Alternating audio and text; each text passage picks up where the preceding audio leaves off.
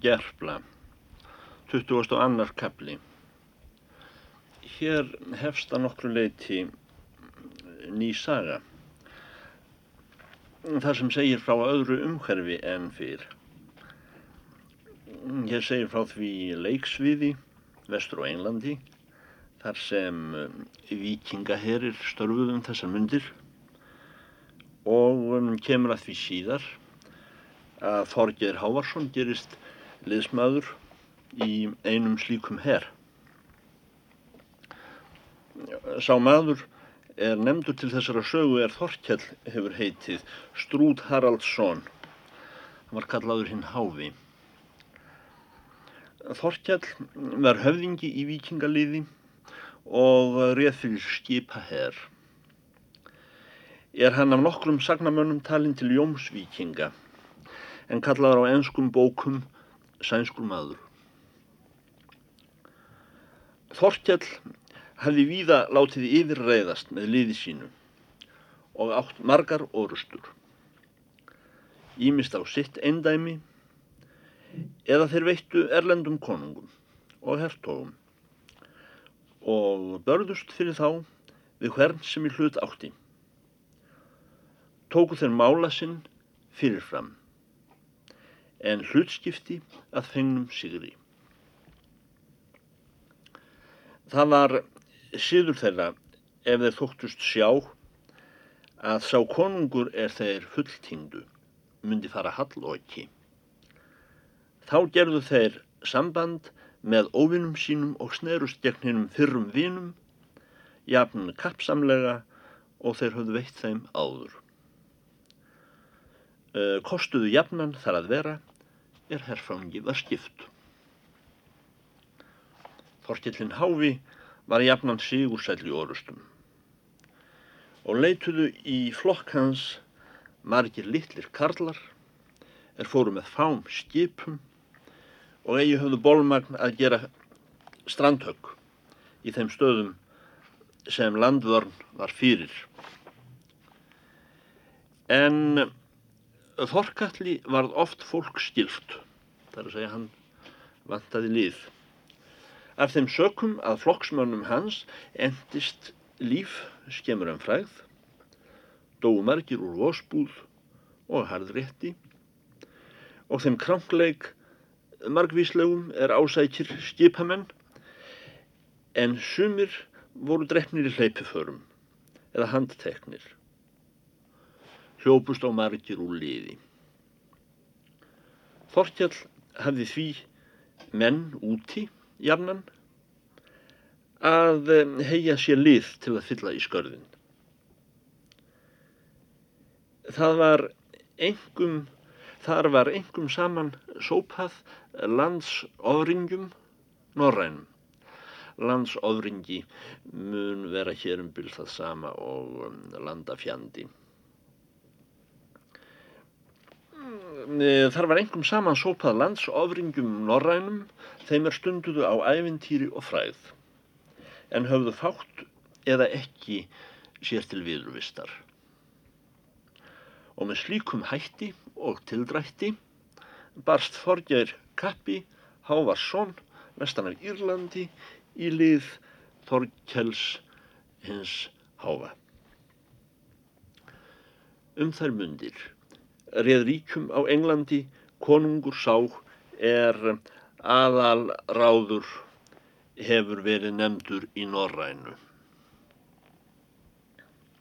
Hann var lítill landvarnarmæður, óvinnum engla. En þeim er meiri skattheimtumæður við þegna sína. Þótti englum eigi allir skattar jafn þarfir er hann kræði þá og varð hann, sem mörgum konungi hefur orðið, að taka suma þessa skatta með pind og herðræði. Það var síður hans mikill. Þá er útlendir ofbeldismenn reyðust á landið að kaupa þá af sér með fjö. Var þar vís fjárstaður útlendum flokkum. Aðalráður unni drottningu sinni emmu um aðra menn fram. Og allar þær stundir er hann starfaði eigi að skattheimtum, sað hann í borgsinni og telgdi fogla úr beini í milli þess sem hann virti fyrir sér konu þessa. Nú er engi kostur á þessum spjöldum að rekja öll skipti þeirra Þorstjáls Háfa og aðalráðs en þau höfðu löngum verið á eina leið. Var Þorstjál seinþreyttur að fara með hersínum og bjóða aðalráði á pataldur. Það er að segja bjóða honum til orustu. Þeir gengu á land á Englandi, jafnan, þar sem minnst var fyrirstaða hverju sinni og fengu sér gísla. Gerðu síðan aðalráði bóð að leysa gíslana og greiða friðskatt eða berjast. Sá var vandi aðalráðs. Ef honum voru kostirgörfir af útlöndum herr, þá tók hann sótt mikla með stórum uppsölum og feiknlegum innantökum. Og um, fengu menn ekki af honum utan þau bóð að hann var fús að greiða þann friðskatt er óvinnir hans kvölduð á. En slík fjö nefna englismenn danagjöld eða gafól aðalráður hafði þá greitt ógrinni fjár í danagjöld er hér var komið sögu.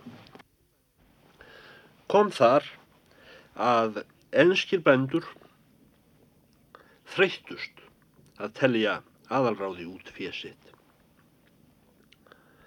og tóku þann kost að verja eignir sínar fyrir honum. Ellega reistu lið af sjálfstáðum að verja lönd og borgir á Englandi fyrir ránsmönnum þeim er um, skattgilda vildu konung þeirra. Slík verk kallaði aðalráður konungur mest afglöp og landráð á Englandi.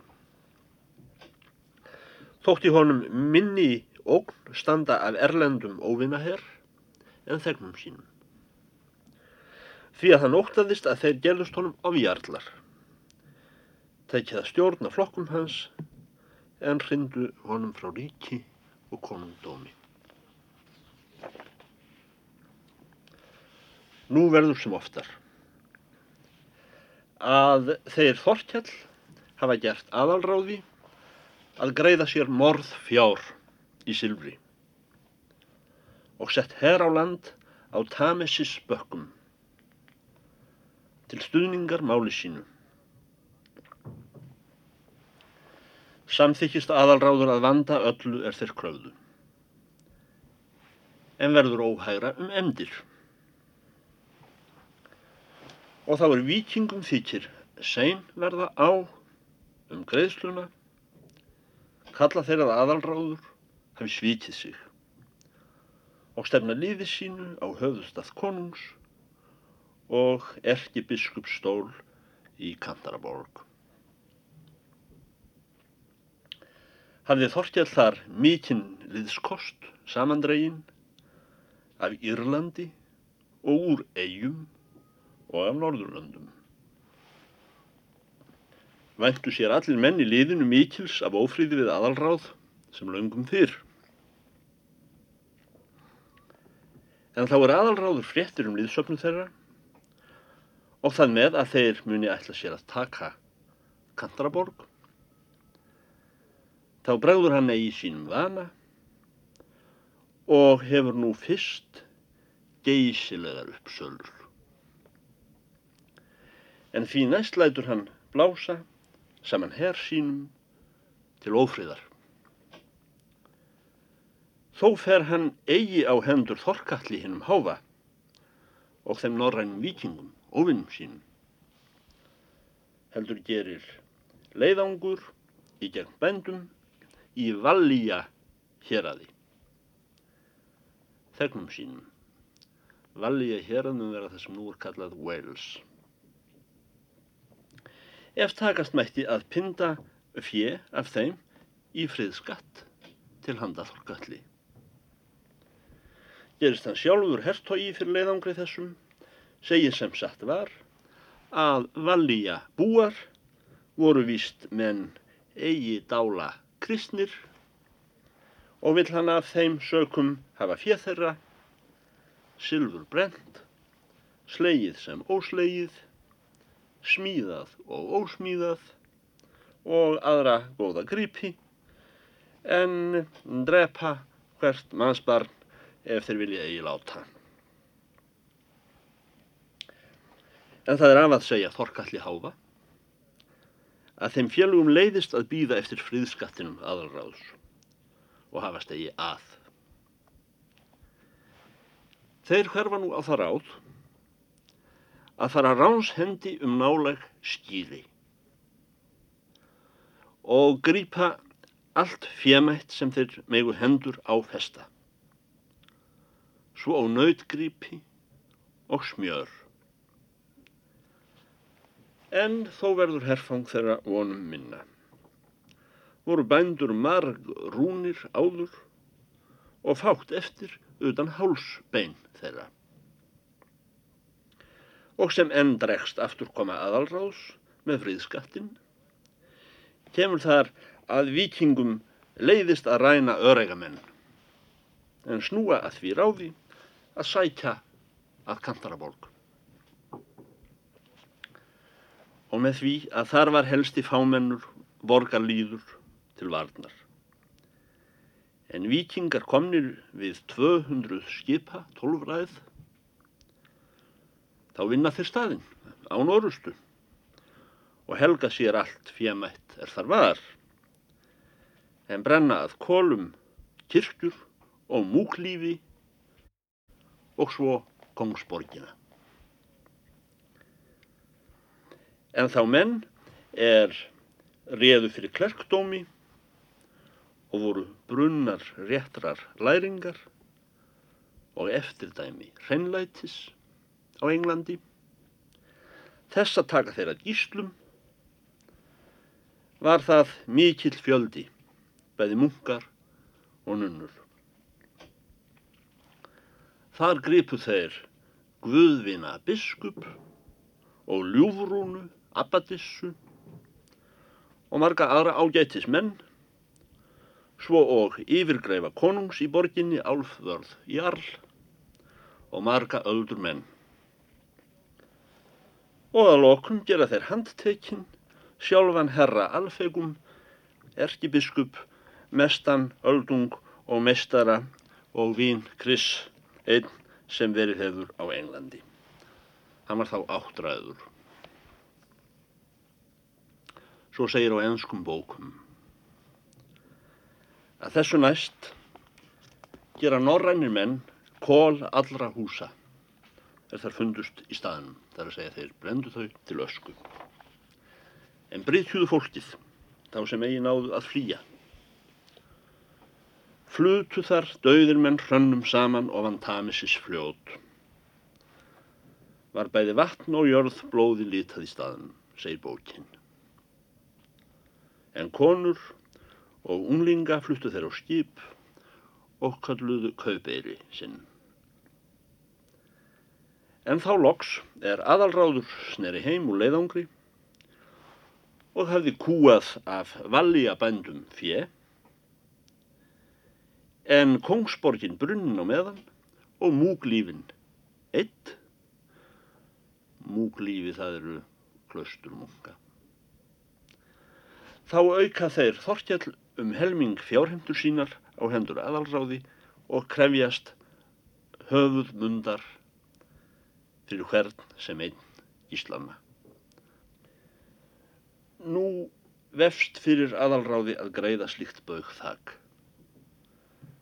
Á ofan fúlgur þær er áður var ásæst og beðist væðar af Þorkalli. En Þorkell segir að þeir félagar voru úti að afla sér fjár á skipum en eigi að skemmta sér. Og var svo einn skildranauðsin hans við liðsmenn sína að láta greipar sópa á sérkvarjum stað meðan fjefón var. Hvað slíkt verið hafa aðal fjáraflamanna og góður að drengja frá upphafi vega en hlýða eigi á kveinan þegar manna er brast afl að halda á sínu. Og sem aðal ráður hefur áður upptefldan landslýðin veit hann nú eigi hvar skuli neður bera hefur stórar uppsölur. Verður sem fyrr að þeim þorkalli leiðist býðin. Lætur hann blása til stefnu fyrir utan borgina í byrtingu á pálm dróttins dag og segir að þangað skal draga gísla úr dýblissum. Er hér að smúginum bóðið að koma til þessa þings en konungi að senda þangað ármenn sína. Hveðu nú Þorkjell til þá menn úr skipa herinum er best voru til fallnir að fara með ali, tengur, skæri, hnífa og smáar öksar. Reðar fyrir pindingum ungmenni eitt og Noregi af vestfold. Þessi sveitn var bleikur yfirlitum, lágurvexti, en ákaflega feitur og hlauna meiri en flestri menn, svo að hann kjagaði í spori. Hann nefndist Ólafur Haraldsson og var af skipamönnum kallaður hinn digri. Svein þessi var hansmár mjög og bar ring á hverjum fingri en á sumum tvo eða þrjá og hefði girðan sig silfurbeltum tveim var annað utan yfir hínu. En af sökum vakstarlags hans höfðu slittnað sundur beltin og var aukið snærum millir spánganna. Nú voru gíslar leitir út. Var þar saman komin mikill fjöldi manna og hvenna. Og báru flestir klerklegan búning. Ólafur Haraldsson segir að þar skulum en meittir hver eftir því sem hann þykir verður til sylfurs eða smjörs og í þeirri röð upp á við sem hæfði tign manna og göfuleik. Skildi fyrsta meða og vægilegast þá er minnst fjefon var í eða smjörs. Svo sem leikmunga eða nunnur fátækar. Svo og almennilega klerka. Þar komu næstir korsbræður og kanúkar og fylgdu þeim abbadissur, loks ábótar og biskupar og með þeim jarlar og öldur menn, svo og þeirra fróður. Voru menn þar lestir á ímsan veg, sem er hamlaðir að höndum og fótum, stífð nef, eða eiru af öðrum. Og heitir sá maður núður eða stúður að norrænu máli er svo hefur verið myndur. Þar voru og stungin augu úr ófáum manni. Voru oft um daginn send orð aðalráði konungi að hann láti koma gjald fyrir menn en komu jafnan þau svör að það voru allar fjárhyllur tómar í Englandi, svo og smjörhjallar. Á þeim degi voru handhögnir, nefskornir og augna stúnir þeir álfvörður jarl yfir greifi konungs og ýmsir öldurmenn engla aðrir. Svo og Guðvinni biskup og ljúfrún abbadissa og mikill fjöldi manna af andlegri stjætt og kennidómi. Þá er gíslarnir, höfðu verið meittir, voru þeir á brottleitir og sendir aðalráði. Voru upp frá þeim degi, flestir menn, núvar og stúvar, þeir er helstur miðmundi var að á Englandi. Þar var leittur á völlin Alfegus erkibiskup yfir Kantaraborg, síðastur manna. Hann var þá mjög kominn af fótum fram og sjónlaus. Gekk honum til hægri handar eitt ungmenni föllitað. Sinjandi mjög hvelt af saltara í gýrðlegri upplýtningu hugarins. Þorkjell mælti en háfi. Lítil nöðsinn vilðst oss að stinga augu úr höfði öldungi einum blindum og hárum svo sem þessi er. Og væntum við að aðalráður samþykji oss í því og farið nú og segið konungi að þennan mann skulum við lausan láta ólestan. En þó skal fyrst telja oss út átta tíu hundraða silfurs honum til höfðlausnar. Þá stífur fram sá maður er, þar varð fyrir svörun af aðalráðskonungs hálfu, hnegir hann þorkalli hennum háfa og mæl svo. Sá öldungur og meistari er þar stendur í lekkjum.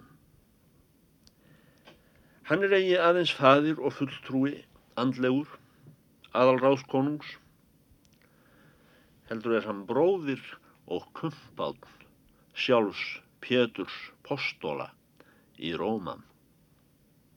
Þess er mælir fyrir Krist sjálfan. Og mun fyrir þennan mann goldið verða hvert það fjártillag er þér nefnið. Mælum við þetta af konungs umbóði og heilarar kirkju. Þessum orðum konungsmanns var tekið með miklum fögnuði af hálfu vikinga. Luku þar allir upp einum munni að Alfegus, erkibiskup, var að vísu allmikill dýrðar maður. Ætlaði ópum manna og lofataki sent að linna. En þá er aftur kyrðist. Mátti heyra einn mann, hveðja sér hljóðus veslum rómi, sprökum og stjálfum. Þessi býður sendimenn aðalráðs konungs doka við og hlýðamáli sínum. Þar mælti sjálfur Alfegus mestari úr hlekkjum. Berið þau orð, mælti hann, síni mínum aðalráði konungi og bróður mínum Sergio Pape. Að aldrei skuli fyrir mig höfðmundur koma. Utan sá er Kristur kallt á krossi. Þá er hann kipti sál mína úr helju ef mig skal kaupa ódýra þá mun mér eigi framar augum uppsjáanda þessa heims nýja annars. Þá gerðust menn sínu óglaðari í herinum, er, er þeir heyrðu slík ansvör af vörum erkibiskups. En Þorkjellin Hávi sagði að þar var maður fyrir með prúðu hjarta sem var alfegus karl og skal eigi, segir hann, fleira starfaða sinni og færið öldungin aftur í törn sinn. En að loknu dagsverki voru norrænir menn eigi gladir af sjálfum sér. Heldur letu færa sér gnótt alfanga og sjóða mikil slátur. Gerðu þar veistlu góða á bökkum Tamesis og kvektu elda. Var þeim tíðrættum það undir drikju að Alfegus Karl var að sönnu einn herjans són. Þar sem hann vildi sneiða góða drengi átta tígum hundraða silfurs fyrir ofdrams sækir síns. Kölluðu það mikla skömm, er múkar, rægir, töldu sér verndar skaut í gálgná sínum Kristi. Gálgnár það er döðumadur sem hangir í gálga að tefla upp dugandi mönnum um fjárreiður. Gremst þeim því meir sem þeir knýja lengur þetta mál með sér. Kemur þar að flestir lúka upp einu munni að þeir vilja eigi sitja krismönnum fleiri storkanir og missa svo fjárhlutar síns. Og þá er þeir höfðu etil og drukkið margt og stóð mann fagnaður sem hæst. Þá hveða þar ymsir ágæðir menn upp úr í liðinu. Segja að það var fásinna mikil ef þyrma skildi þeim gamla fóla er þar hefði í dag allt við þá kappi. Buðu fyrirmenn í liðinu að útskildi leiða alfegum erkibiskup af nýju og var svo gert. Öldungurinn var skrítur biskups kápu rauðri og hefði látið gera skegg sitt virðulega. Stóð við hlið honum sveitnin Grímkjall og söng. Þeir um, leiða út alfegum á miðjan völl og svifta af aukslum honum biskupskápunni. Stóð þar öldungurinn í skiptu, einn saman, var svo riðin af stríðu snæri og margir knútar á. Hlekki bar hann á höndum og fótum. Nú taka þeir til að kasta að biskupinum nautgripan hnútum stórum og hraunum úr slátrinu. Svo á nauts hornum og því öðru lauslegu er þeim tókt í hæfi á vera. Þá getur við rött í liðinu og var það Ólafur Hindigri Haraldsson. Hann segir svo. Eh, það er haft fyrir satt að í vikingaliði finnist fleiri menn argir en í öðrum stöðum. Eða hvað eru þeir nú? Er þér þegið til þess með öllu er hnútur og hraun geiga að svo meilegum sveini sem þeim er þar stendur og syngur. Og urðu þau orð, þess völd, að menn dróðu í brott með hlátrum stórum sveinin frá hlið erkibiskups og settu niður á meðal sín. Öldungurinn stóð þá einn eftir í hlekkjum á vellinum. Hann stóð í fyrstu réttur og sá upp augum þótt blindvæði og mælti nokkuð fyrir munni sér. Það er einn ám aðri menn. En þá er hann hafði oft sinnis hæfður verið með stólgripa hnútonum, segir á ennskum bókum að hann nýja að jörðu og hafði þá mikla lemstran hlotna á kroppi og útlim en hausinn brotinn. Börðu svo norrænir menn til bana, alfegum, arki, episkópum, venerabilem á þeim að degi.